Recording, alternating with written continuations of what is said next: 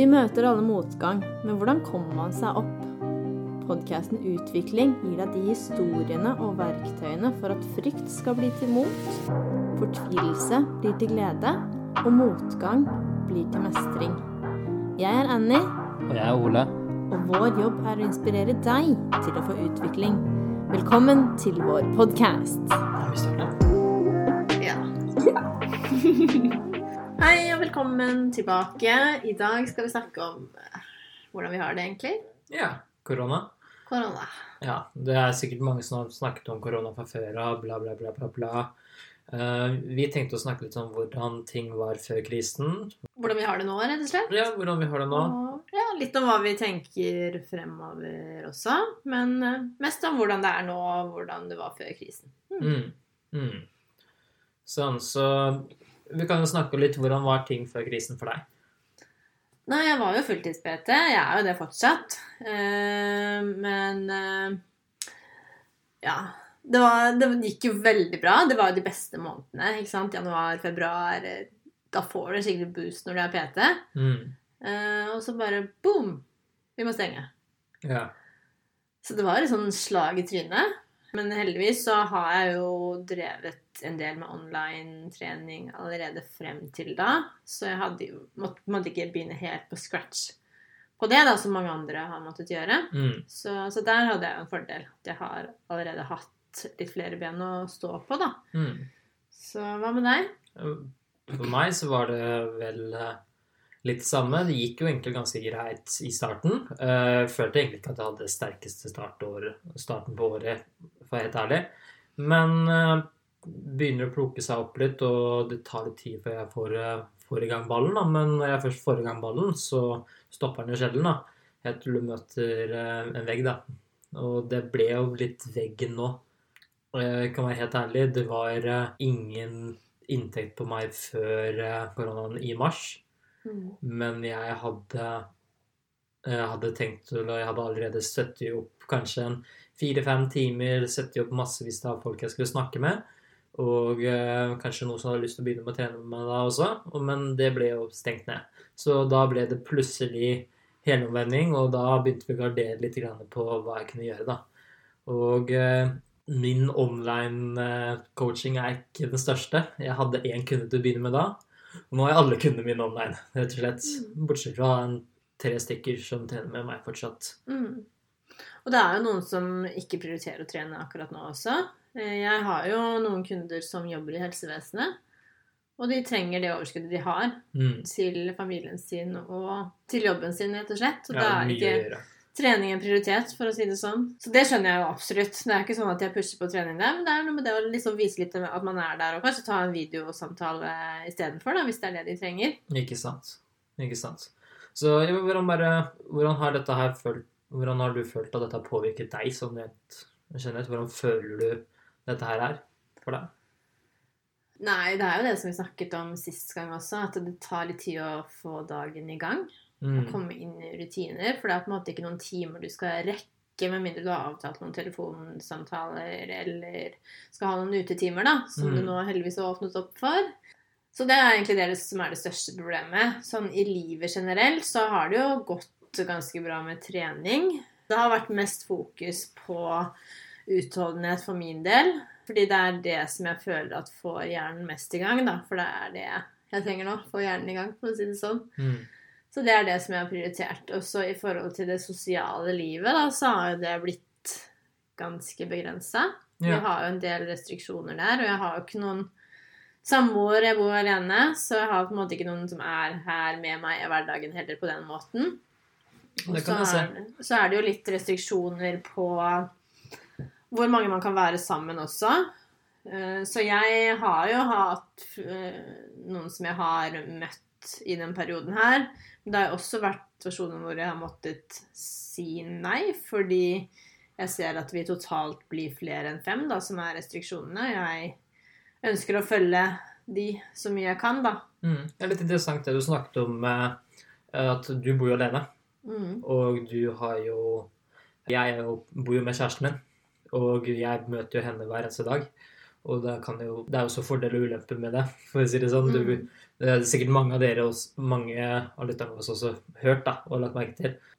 Bare én ting jeg var lurer på for deg, da, litt spesifikk. Hva er det som du føler er den største utfordringen når du bor alene? For min del så er det ikke så veldig mye forskjell sånn egentlig, fordi jeg har, er veldig vant til å være alene. Mm. Men det hadde nok vært uh, tyngre om jeg ikke var det. Mm. Så for min del så er det mest det sosiale. Det at man ikke er så sånn spontane lenger alltid i forhold til at man ikke kan være de store gjengene som man var, da. Mm. Og man kan jo velge å ikke følge restriksjonene også, og være en stor gjeng sammen, men når jeg har den jobben jeg har, og jobber selvstendig Du har ikke lyst til å risikere noe? Ja, og så har jeg også en far som har operert eh, hjertet og er i risikosonen også, Mm. som gjør at jeg heller ikke vil risikere å bli syk, da. Nei, ikke sant. Det ser jeg veldig godt på også. Det er sikkert mange som tenker litt på, på familie de har, folk som de har lyst til å verne om, og kanskje da føler at de må isolere seg litt mer enn de andre, da. Eh, personlig så har jo tvillingsøsteren min hun har jo veldig sterk astma. Sist jeg fikk en snap av henne, så var hun så, glad, var hun så takknemlig for at eh, kjøpesenteret der hun bor, kunne levere ting utpå døra, så hun slapp å gå inn pga. den der smittefaren. Og det er liksom som Kanskje man ikke føler det påvirker sånn der veldig mye, men det påvirker jo litt. Grann, og man sitter kanskje og tenker mer på det. Mm. Og uh, Altså Det jeg tenker, er at uh, folk tenker at kanskje de restriksjonene er der fordi at man selv ikke skal bli syk, men det er jo fordi det er mange som er i risikosonen og kan raskt bli syke, da. mm, Og hvor lenger du ignorerer disse restriksjonene, hvor lenger tid tar det for at vi får en normal hverdag igjen. Det er det jeg ser på. Og jeg vil veldig gjerne ha en vanlig sommer. mm, Enig. Så da har jeg det heller eh, litt mer restriktivt nå. Jeg har jo lyst til å kanskje dra på hytta og gjøre skogsarbeid igjen, eller eh, bare få lov til å gjøre noen ting, da. Så vi snakker litt om eh, kanskje ting som har vært litt negativt, og hva vi har gjort, da. Men hva er det ting du gjør nå for å liksom motarbeide de tingene du føler som tynger litt på deg nå? Det blir jo i forhold til det sosiale å legge opp til andre ting, da. At man har eh, videotreff. kan du ta glass over eh, Zoom også? Mm. Så det er mye hyggelige ting man kan gjøre på den måten. Har det blitt mye vin over Zoom? Nei, ikke så mye, men litt. Så, så det er jo hyggelig. Ja.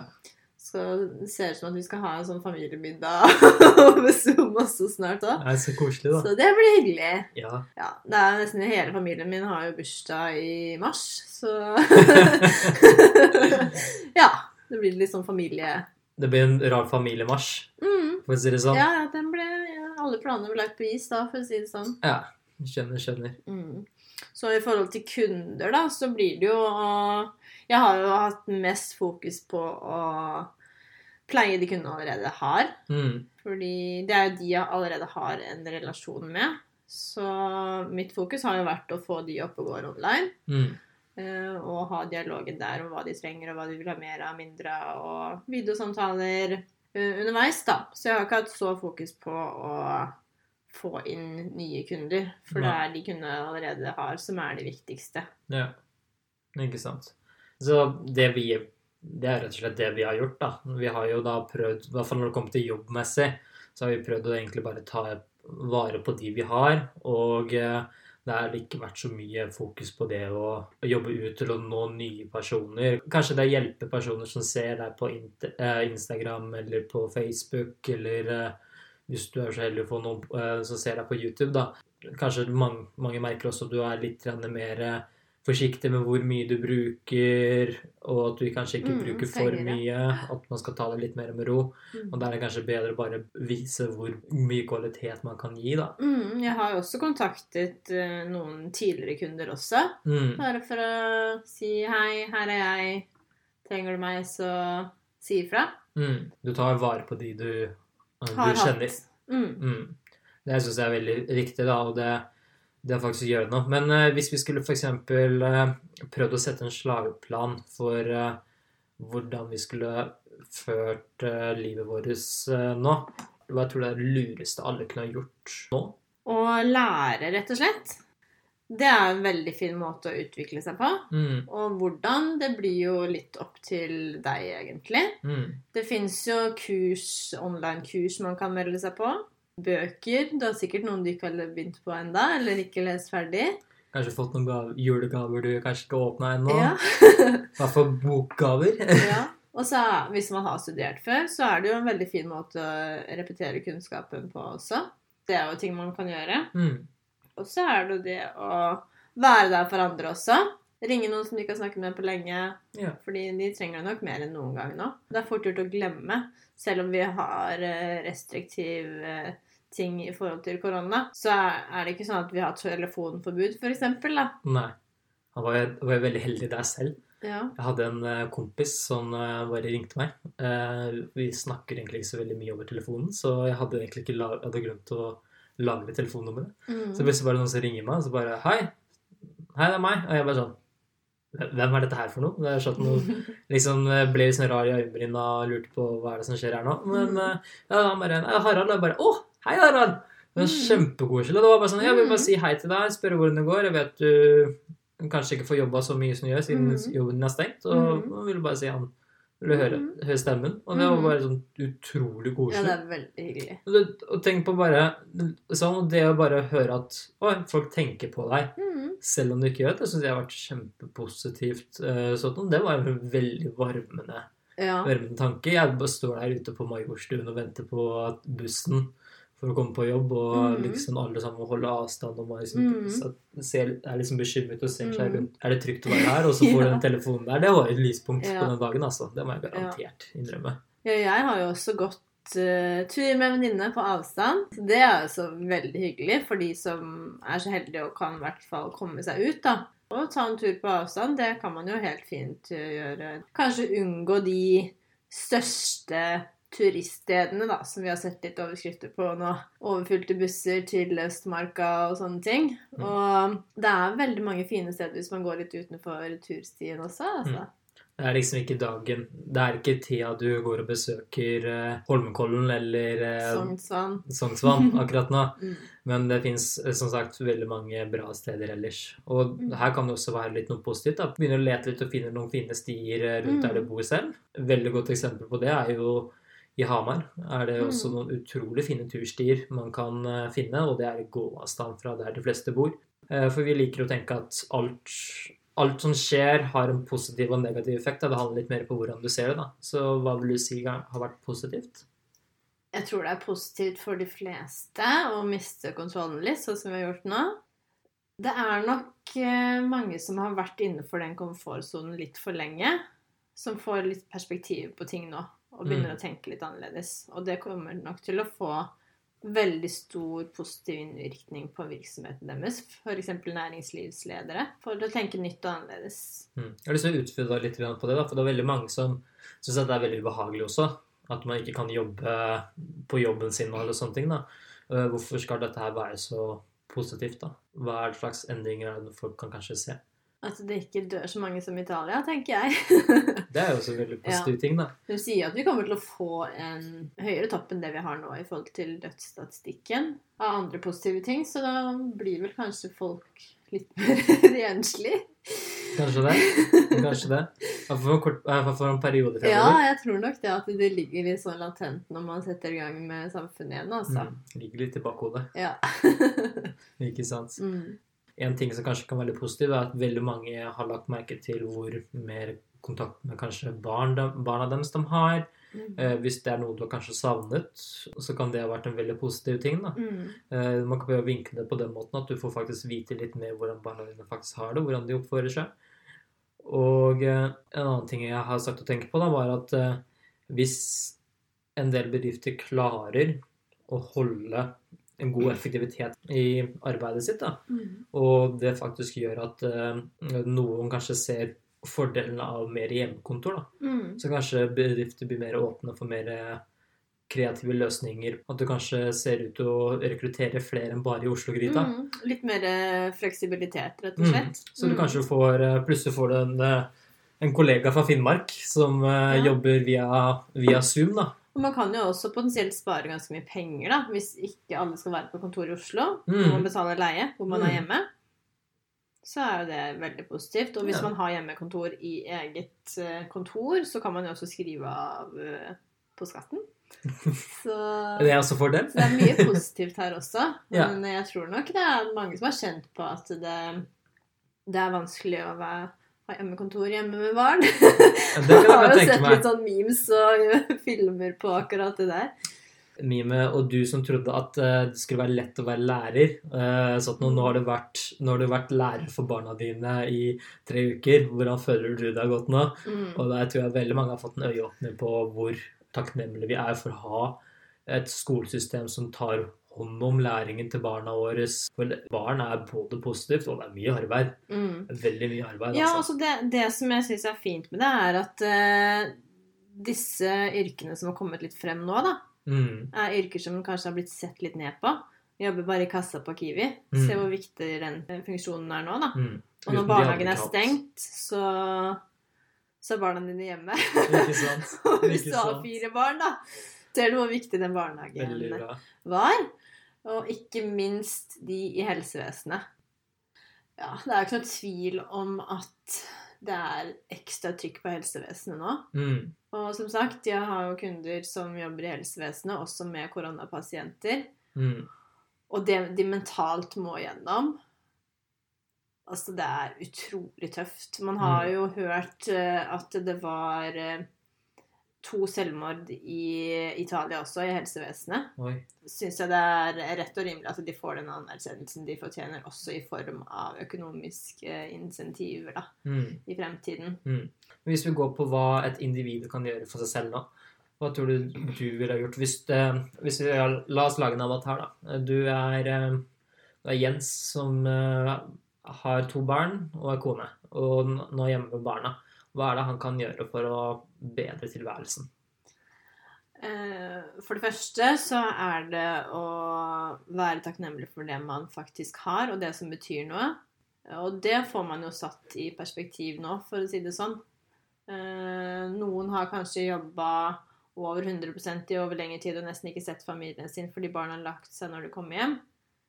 Mm. Men nå må du være sammen med de 24-7. det at man faktisk eh, For den nye tiden, da, kanskje Mm. Jens eh, jobber i en jobb han kanskje ikke har den, det han liker mest, da, men finner ut at han kanskje har lyst til å gjøre noe annet òg. For å Mm. kanskje revurdere litt grann hva man har lyst til å gjøre i livet. Ja, Jeg tror veldig mange kanskje tenker litt på det også, hvor ja det heldig man kan være absolutt. på å finne en jobb man faktisk liker å gjøre. Mm. Eller bare gjøre noe helt annet. Mm. Det blir sikkert noen eh, jordomseilinger og jorda rundt-reiser eh, i Etterpå. tiden etter korona, tenker jeg. Ja. Vi også, jeg og kjæresten satt i går hos det og diskuterte om at det blir sikkert også noen par og ni måneder, noen par smårollinger som kommer også. Det blir nok litt babyboom eh, Ja. nå, ja. Kanskje noen skilsmisser også, men jeg Ja. tror det blir, det blir gøy med litt babyboom. ja. Og så tror jeg også folk eh, begynner å lage litt ting fra bunnen av, da. Sånn som jeg har begynt å bake og lage mer mat hjemme. Så, så det er jo positivt, det også. Man Mm. går litt tilbake. For det Men det blir jo litt spennende å se utviklingen på det. Men det er jo absolutt mange som uh, syns det er vanskelig å motivere seg sjøl til trening. Det er det ikke noe tvil om i det hele tatt. Så, Det er vanskelig mot når du føler deg som trener selv, og det er vanskelig å motivere deg selv iblant. Ja. Fordi at eh, det gjør det. Men jeg tror også Det er også kanskje fordi vi mister den der eh, ritualet vi har òg, da. Mm.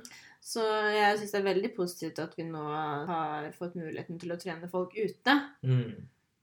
Det har jeg fått veldig gode tilbakemeldinger på. Mm. Det, at, det at man har noen man kan møte og har den avtalen, da. Mm. Eh, Det gjør mye, altså. Man kan jo selvfølgelig ha det over nett og, eh, og ha livetreninger der, eller via en app. Mm.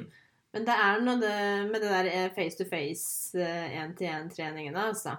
Nå blir vi snakket litt om trening, da, men vi Mm. kan også ta litt sånn mer konkret tips. da.